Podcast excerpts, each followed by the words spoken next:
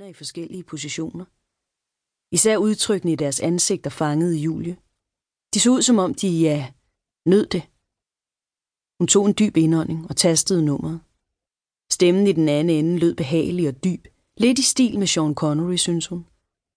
Jo, han manglede stadig modeller og bad Julie om at beskrive sit udseende. Stemmen bævrede i starten, men hun fik hurtigt talt sig varm, og inden hun vidste af det, havde de aftalt, at hun skulle besøge ham den efterfølgende aften i hans atelier på Strandvejen. Da hun trykkede på afbryderknappen, kunne hun mærke en rislen ned ad ryggen. En forventningsfuld gysen. Det var grænseoverskridende som bare pokker at tage sit tøj af over for en vildt fremmed mand. Alligevel var der noget pirrende og spændende ved det, som hun ikke helt kunne definere. De havde aftalt en pris, og Noah Eriksson havde sagt, at hvis han kunne bruge hende, ville han betale 200 kroner i timen. Han ventede at få brug for hende et par aftener om ugen en måned frem. Billederne var et bestillingsarbejde fra et reklamebureau. Julie gik ud på badeværelset og klædte sig af, stillede sig foran det store spejl i soveværelset og betragtede sin krop. Brysterne var ikke så store, men faste, og de lyse brystvorter var små.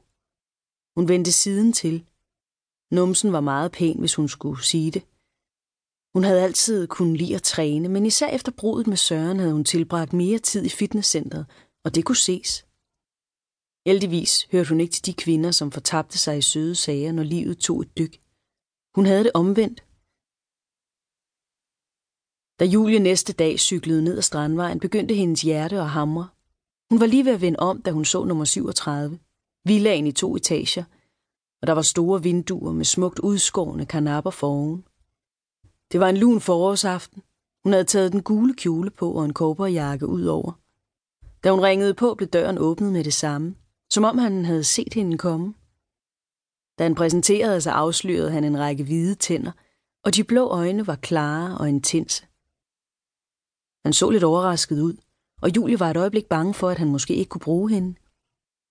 Det var der nu intet, der tydede på, for han inviterede hende straks indenfor, og den norske accent var både charmerende og indbydende. Han var i begyndelsen af 30'erne og havde sort hår, som gik ned i øjnene. Da han gik foran hende op ad trappen, kunne hun ikke tage øjnene fra den faste numse i de slidte jeans. Den hvide t-shirt afslørede en veltrænet overkrop og nogle muskuløse arme. Julie kunne mærke, at hun blev mere nervøs og spændt på samme tid. Atelieret var fyldt med malerier og tegninger. På en aflang bordplade understøttet af to bukke stod bøtter med maling og pensler i flere størrelser. Væggene var hvide, og der var højt til loftet. Det var varmt i rummet, og Julie tog kobberjakken af. Hun kunne mærke, at hans øjne gled over hendes krop, og det var egentlig ikke ubehageligt. Han pegede på et lille forhæng og sagde med dyb stemme, at hun kunne klæde sig af der. Da hun trådte ud, kun iført silkekåben, som havde ligget på stolen, sad Noah Eriksson på en taburet med blok og blyant i hånden.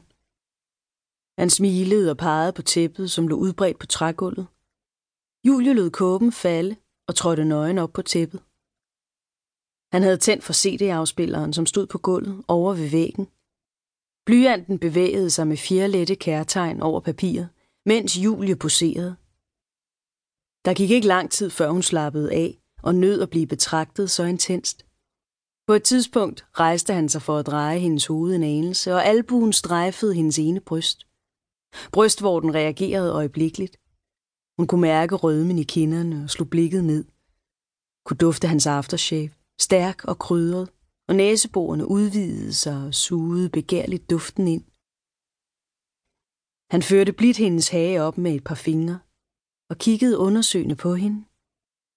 Julie kunne næsten ikke holde det ud. Mindre end en håndbredde skilte deres læber, og hun kunne smage lysten, som nu vældede op i hende som brusen i en champagneflaske. Som havde han læst hendes tanker, eller måske kunne han også føle liderligheden, som omsluttede dem. Lod han hånden glide ned ad hendes ryg. Blidt. Fingrene bredte sig ud som en udsprungen rose og glid ned på hendes baller. Julie følte det, som om der gik et stød igennem hende, og hun gispede, deres læber fandt hinanden. Først tyvende, derefter mere lidenskabeligt. Tungerne udforskede de nye territorier som en opdagelsesrejsende. Han kyssede hendes hals, og det kriblede i hende, da han nåede øreflippen.